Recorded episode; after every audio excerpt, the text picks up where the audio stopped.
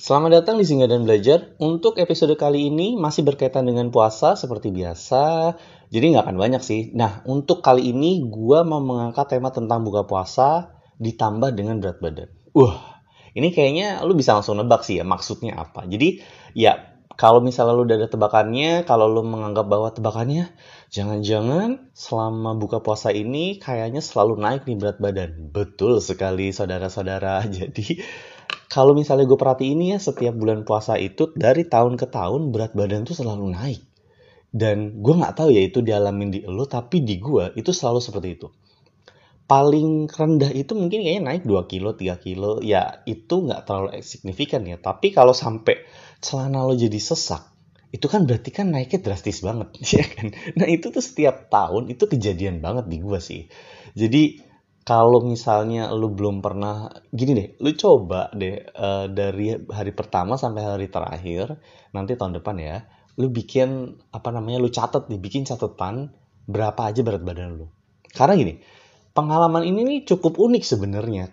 Uh, dan sekarang sebenarnya udah banyak banget youtuber siapa pun dia uh, apa namanya ahli nutrisi atau olahragawan, olahragawati siapa pun dia yang yang jago fitness, ahli fitness suka sharing tips-tips menjaga berat badan dan lain-lain.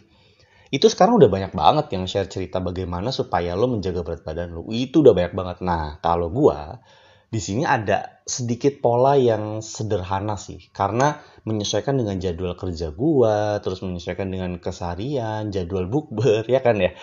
Padet banget nih dan mengatur waktunya juga susah gitu. Kenapa? Karena gue bukan yang tiap hari olahraga gitu. Cuma jadi apa namanya kalau misalnya gue lihat nih kita flashback dulu dia jadi step pertama kalau lo mau menyadari ternyata berat badan lo drastis naik gitu kita flashback kita flashback dari beberapa tahun deh tahun lalu dua tahun lalu dan seterusnya kita flashback ternyata oh ternyata memang iya gitu kalau gue itu berat badan selalu naik gitu dan gue nggak tahu kenapa ya semakin bertambahnya usia, nambahnya umur gue ini yang makin tua, berat badan naik itu susah banget turunnya. Sekalinya naik langsung bisa langsung 5 kilo, tapi turunnya itu lama banget. Itu gue nggak tahu faktor usia atau faktor apa gue nggak ngerti sih ya. Cuma itu kerasa banget. Jadi lu bayangin aja kalau bulan puasa lu tiba-tiba naik 5 kilo, itu nurunin ya setengah mati. Lu harus banyak orang yang setelah bulan puasa diet ketat, nggak makan ini, nggak jajan dan segala macam bener-bener demi nurunin. Itu banyak sih gue ketemu teman-teman yang kayak gitu sih. Nah, kalau gue sih kayak gitu ya, gue nggak bisa diet. Makanya gue sharing kalau di season 1 lu nonton aja 4 episode, itu khusus gue dedikasikan cara gue menurunkan berat badan. Terus di sini yang mau gue cerita pengalaman adalah di tahun ini gue melakukan hal yang berbeda nih guys. Jadi gue itu mengadakan challenge di Twitter namanya Jaga BB Challenge. Nggak banyak sih sebenarnya. Itu juga bukan untuk viral, nggak, bukan untuk apa-apa segala macam nggak. Gue nge-tweet itu, bikin hashtag itu karena supaya ini loh, apa namanya, gue mencatat sendiri gitu. Jadi misalnya di hari pertama, setelah berapa hari kemudian, setelah berapa hari kemudian, itu gue timbang gitu. Hari ini tanggal sekian, jam sekian, gue berat apa berat badannya sekian gitu. Ya tujuannya supaya gue pengen tahu nih signifikan atau enggak. Kenapa? Karena untuk mengetahui jadi ada beberapa langkah ya stepnya nih untuk apa namanya memulai jaga BB challenge ini. Kalau gue yang pertama tuh gue flashback dulu nih. Jadi gue mau mengajak lo nih guys. Kita flashback dulu guys. Kita flashback ke beberapa tahun yang tadi gue bilang. Kita lihat selama bulan puasa itu yang lu buka makanannya apa aja? Itu penting banget menurut gue sih. Kita harus review dulu apa yang lo makan. Menurut gue itu sangat-sangat krusial apa yang lo makan. Kenapa? Karena gini kalau gue nih kalau gue mudah-mudahan nggak di lo sih kalau gue dulu itu es buah itu wajib. Permasalahannya adalah kalau lo bikin es buah sendiri itu kan lo bisa ngatur sendiri ya komposisinya uh, kental manisnya sirupnya buahnya dan lain-lain tapi kalau lo beli di luar lo perhatikan deh si abang-abang itu yang jualan. Dia ngasih kental manisnya banyak banget. Udah gitu sirupnya banyak banget. Jadi manisnya tuh overload gitu loh. Iya kan? Coba aja lo perhatiin nih guys. Kalau lo beli es buah kayak gitu itu kasih kayak gitu. Nah permasalahannya permasalahannya mulu ya kayak dia dari tadi. Jadi kalau buka puasa itu kayak es buah itu wajib setiap hari, hampir setiap hari. Kecuali kalau misalnya gue lagi apa namanya batuk atau gue lagi pilek atau gue lagi keluar buka bersama gitu. Itu enggak sih. Tapi es buah tuh wajib atau kolak. Nah, kolak juga sama. Kalau lo bikin sendiri, lo bisa ngatur gulanya seberapa. Tapi kalau lo beli di luar, ini yang terjadi di sekitar rumah gue. Mudah-mudahan tidak terjadi di sekitar rumah lo. Kolaknya itu manisnya ampun-ampun. Harus ditambah air sendiri. Ya, memang sih sebenarnya mungkin karena kita udah terbrainwash, brainwash tercuci otaknya dengan kalimat berukalah dengan yang manis gitu.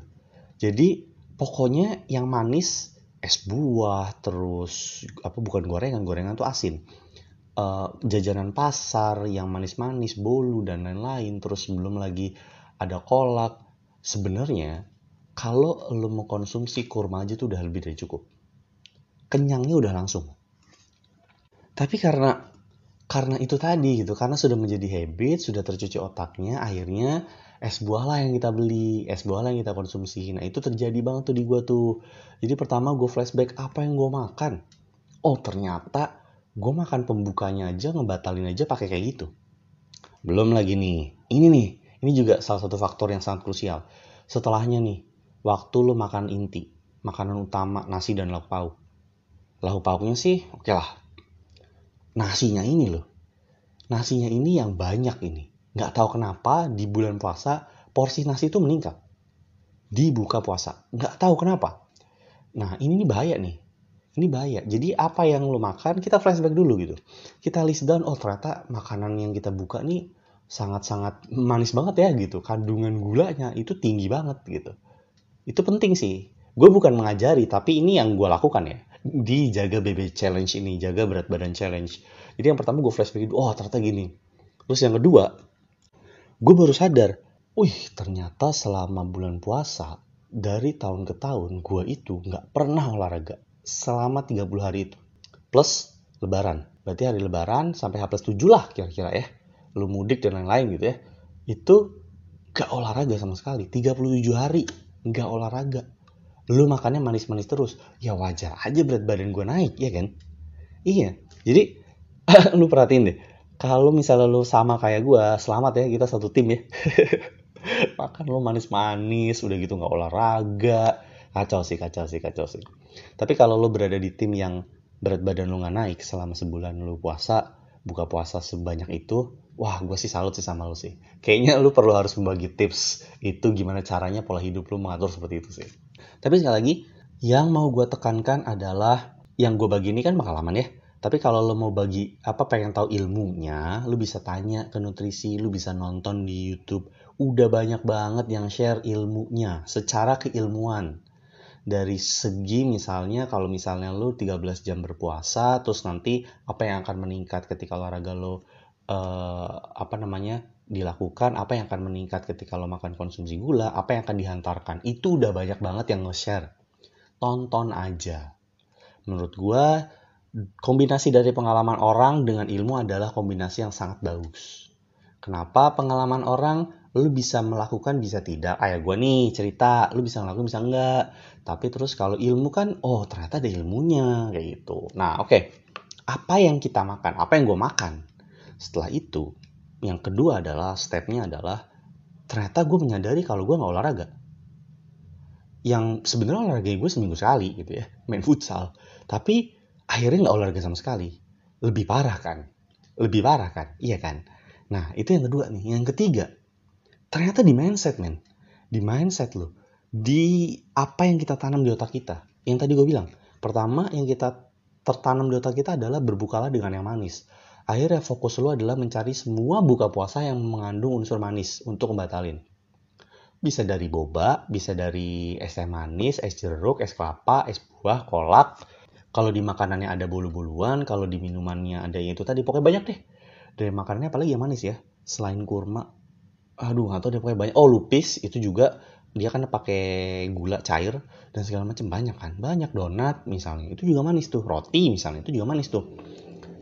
Hal-hal kayak gini nih karena kita udah di mindset kita tertanam berbuka yang manis akhirnya yang kita cari untuk takjil itu adalah hal yang manis-manis banget nih minuman dan makanan harus ada yang manis. Jadi kalau misalnya cuma makanan doang minum air putih, itu nggak klop. Atau lu ada minumannya doang kolak tapi nggak ada makanan yang manis, itu juga nggak klop. Itu harus sinkron dua-duanya. itu tuh di mindset kita tuh gitu tuh. BTW mindset kita it means mungkin lu iya mungkin nggak ya, tapi di gua seperti itu. Gue tekankan banget di gua gitu.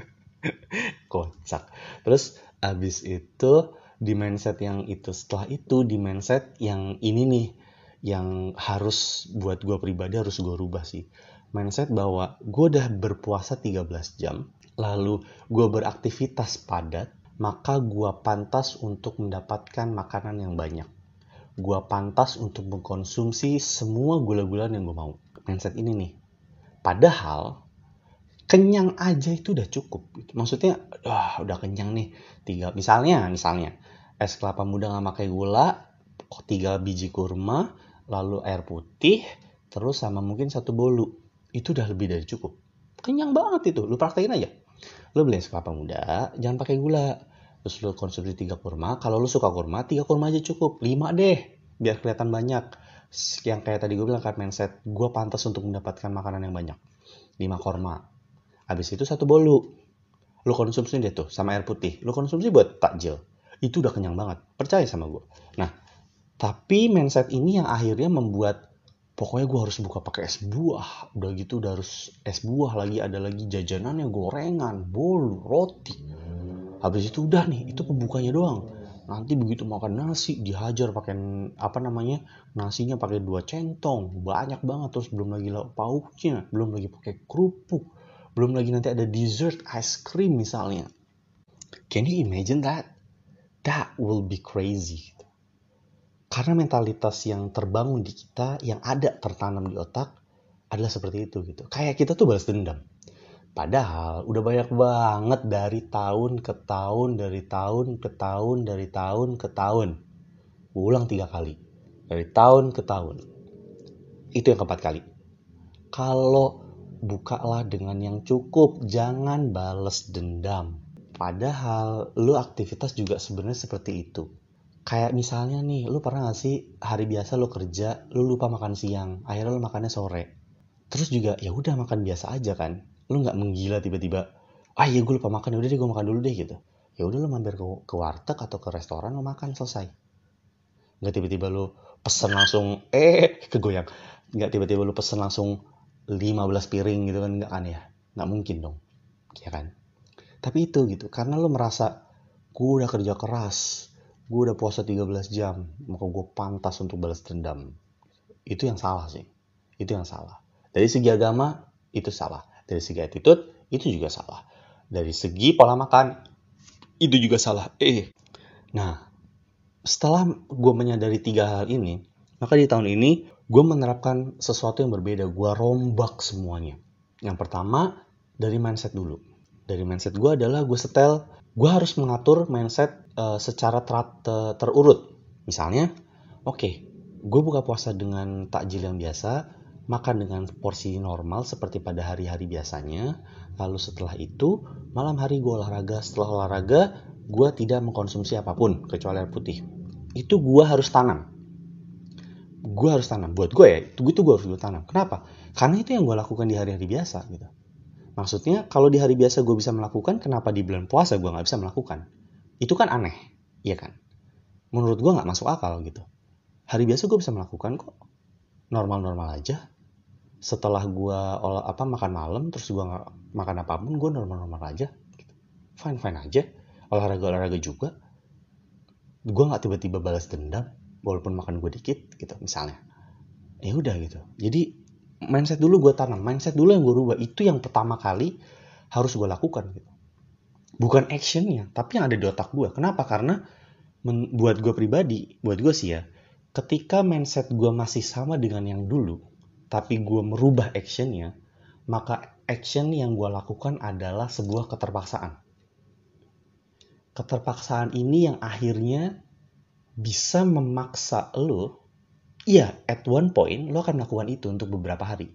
Tapi akan ada di satu titik lo merasa jenuh, lo akan stop. Kenapa? Karena lo merasa diri lo terpaksa melakukan itu. Tapi kalau dari mindsetnya sudah gue rubah, maka nanti semuanya akan berjalan atas keinginan lu sendiri. Oh karena gue mau melakukan ini, gitu. bukan karena gue terpaksa melakukan ini, gitu. Jadi ketika gue sudah menjadi tiga itu, bagian yang terpenting kan, oh mindset nih, mindset dulu gue atur nih. Nah, lu terserah mindsetnya mau kayak gimana. Kalau misalnya lu sibuk kerja dan segala macam, lu atur aja seperti apa. Tapi lu harus menyadari titik kesalahan lu di mana. Menurut gue, gue titik kesalahannya adalah tiga itu tadi apa yang gue makan gue nggak olahraga mindset gue salah mindset dulu gue benerin setelah itu baru selanjutnya adalah apa yang gue makan nah apa yang gue makan yang gue lakukan adalah di bulan puasa ini gue sudah ber, berjanji kalau di rumah apa namanya disediain es buah gue akan tolak gitu di luar gue berusaha sebisa mungkin untuk nggak mengonsumsi kalau ditawarin es buah kenapa karena gue tahu mereka naruh sirup dan kental manisnya itu berlebihan. Gue gak mau gitu. Terus kalau gue di luar, ya sama kayak yang sebelumnya gitu. Kalau gue bisa mesen teh tawar, ya gue akan mesen teh tawar. Manis lainnya ya hanya untuk memanis gue buka biasa aja gitu. Jadi apa yang gue makan itu pertama yang gue modifikasi adalah pokoknya kalau ditawarin es buah gue berusaha sebisa mungkin untuk berkata tidak.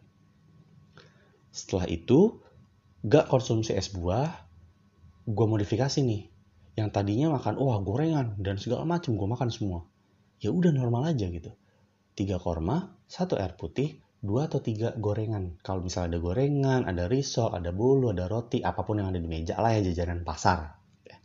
Udah tiga cukup gitu. Buat gue itu udah kenyang banget. Dengan memasang mindset seperti tadi terus gue merubah seperti ini bahkan di takjil aja itu gue udah bisa kenyang. Akhirnya gue kadang nggak makan malamnya itu bisa suka telat atau dikit banget. Nah ini nih. Terus dimakan nasi dimakan utama nih. Ini nih juga perlu perlu dimodifikasi buat gue gitu. Gue merasa nggak fair kalau misalnya bulan puasa tiba-tiba makan gue tiba-tiba jadi double. Iya dong. Ya lu bayangin aja. Lu aneh gak sih? Tiba-tiba bulan puasa makan lu banyak banget porsinya gitu. Padahal hari biasa nggak pernah sebanyak ini gitu. Kan ngaco ya. Makanya abis itu oh mindset gue udah gue set nih. Ya udah gue ngambil porsi nasi sebisanya aja. Maksudnya senormal gue aja gitu secentong lauknya senormalnya aja terus ya udah gitu. Makan kayak normal. Akhirnya langkah kedua ini mengatur apa yang gue makan itu jadi lebih mudah. Gampang banget ketika mindset itu diatur. Yang kedua itu tadi kedua ya? Berarti sekarang ketiga. Yang ketiga nih guys. Yang ketiga olahraga. Olahraga kan di mindset gue gue atur. Malam adalah jadwal gue olahraga. Kenapa? Banyak nih yang bilang sebenarnya kalau olahraga yang baik saat puasa itu adalah sebelum buka puasa. Gua nggak sempet ngelakuin itu karena kerja. Di Sabtu Minggu suka nggak sempet karena jadwal buka bersama. Maka gua atur olahraganya gue lakukan di malam hari ketika hari biasa. Ya kalau buka bersama pulangnya malam terus. Sampai rumah jam 10, gimana olahraganya? Gue atur, jam 8 gue olahraga. Jadi makan gue stop kayak biasa setengah tujuhan gue makan jam tujuh gue udah stop makan jam 8 gue olahraga jadi ada jeda satu jam nih istirahat perutnya buat olahraga biar nggak apa ya bahasanya begak apa sih begak tuh bukan bahasa Indonesia. Uh, itulah pokoknya ya merasa berat gitu. Jadi ada jeda satu jam dan juga karena makan gue tidak berlebihan gue nggak muncul rasa mager. Itu. Jadi jam 8 gue atur olahraga. Olahraga apa bang? Ya sama kayak yang gue cerita di episode sebelumnya.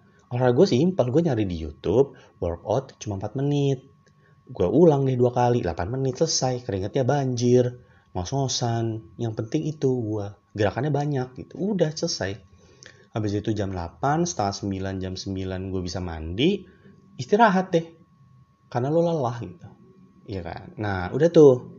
Terus ada nih satu nih nyelip nih hidden spot, yaitu adalah cemilan di malam hari. Seperti yang tadi gue bilang, mindset gue adalah kalau misalnya di hari biasa gue bisa melakukan, kenapa di hari puasa enggak?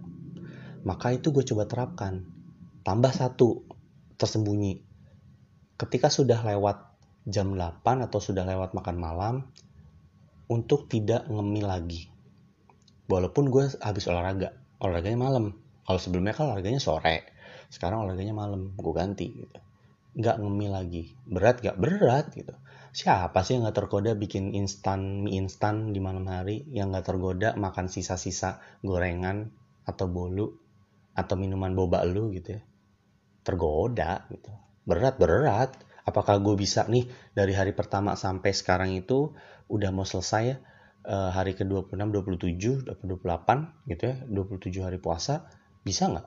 Sebulan mau? Nggak bisa gue jebol tapi akhirnya yang terjadi adalah nggak setiap hari gue ngemil malam gitu. Kenapa? Karena mindset ini yang udah gue tanam gitu. Jadi gue ngemil malam itu terpaksa. Kebalik ya.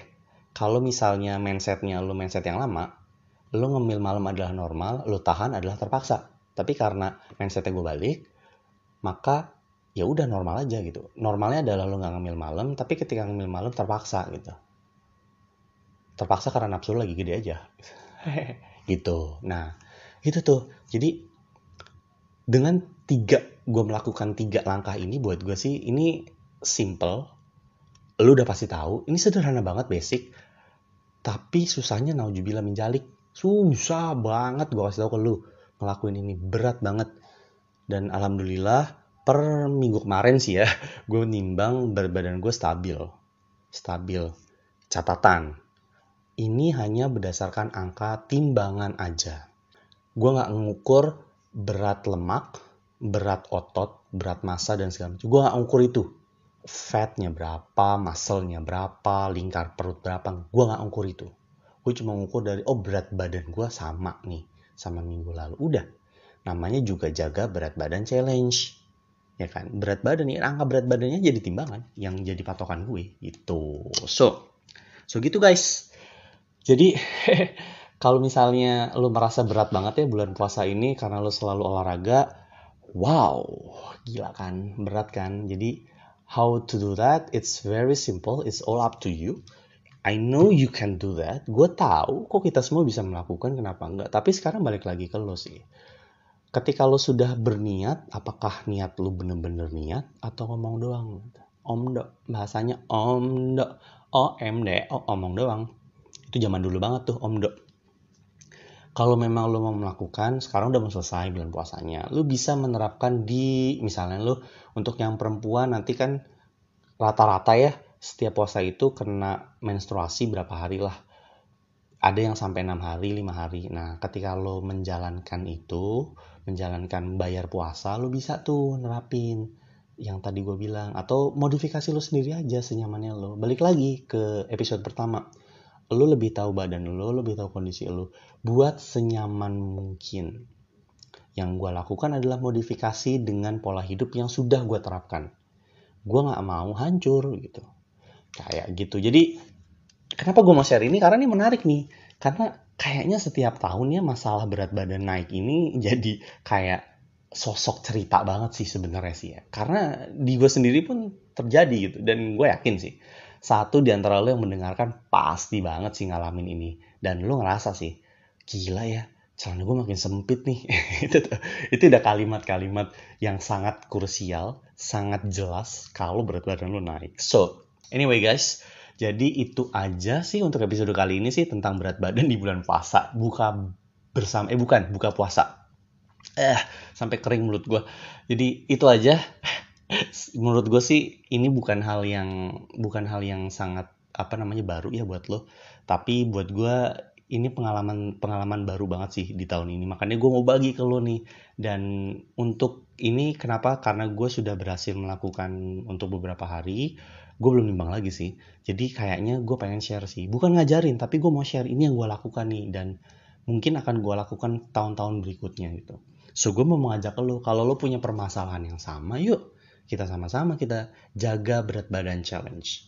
Kenapa? Karena ya eh, pelan-pelan lo akan melatih mindset lo untuk menjaga berat badan itu jauh lebih baik daripada membiarkan lo berat badannya terus menaik ya kan? So that's it. Itu aja dari gue itu aja dari singgah dan belajar. Semoga kita sama-sama belajar di sini. Sekali lagi gue tidak menggurui siapa pun. Semua yang gue bagi adalah pengalaman gue yang sedang gue lakukan ataupun yang sudah terjadi. Dan sebagai pengingat juga kalau gue pernah mengalami itu dan kalau bisa ada pembelajaran buat gue pribadi pun juga akan gue petik gitu. So Kalau misalnya lo ada topik yang pengen lo apa namanya gue ceritakan di sini, kirim aja ke DM Instagram Singgah dan Belajar atau email singgah dan belajar gmail.com. Nanti gue akan memberikan pandangan subjektif gue. gue akan sesubjektif mungkin menurut gue doang. sesotoynya gue tapi gue gak akan sotoy sih kalau gue nggak tahu ya gue bilang nggak tahu gitu jadi jadi jadi so so so thank you for listening. Terima kasih sudah mendengarkan. Terima kasih sudah mau singgah. Dan kita belajar sama-sama di singgah dan belajar. Sampai jumpa di episode berikutnya. Bye bye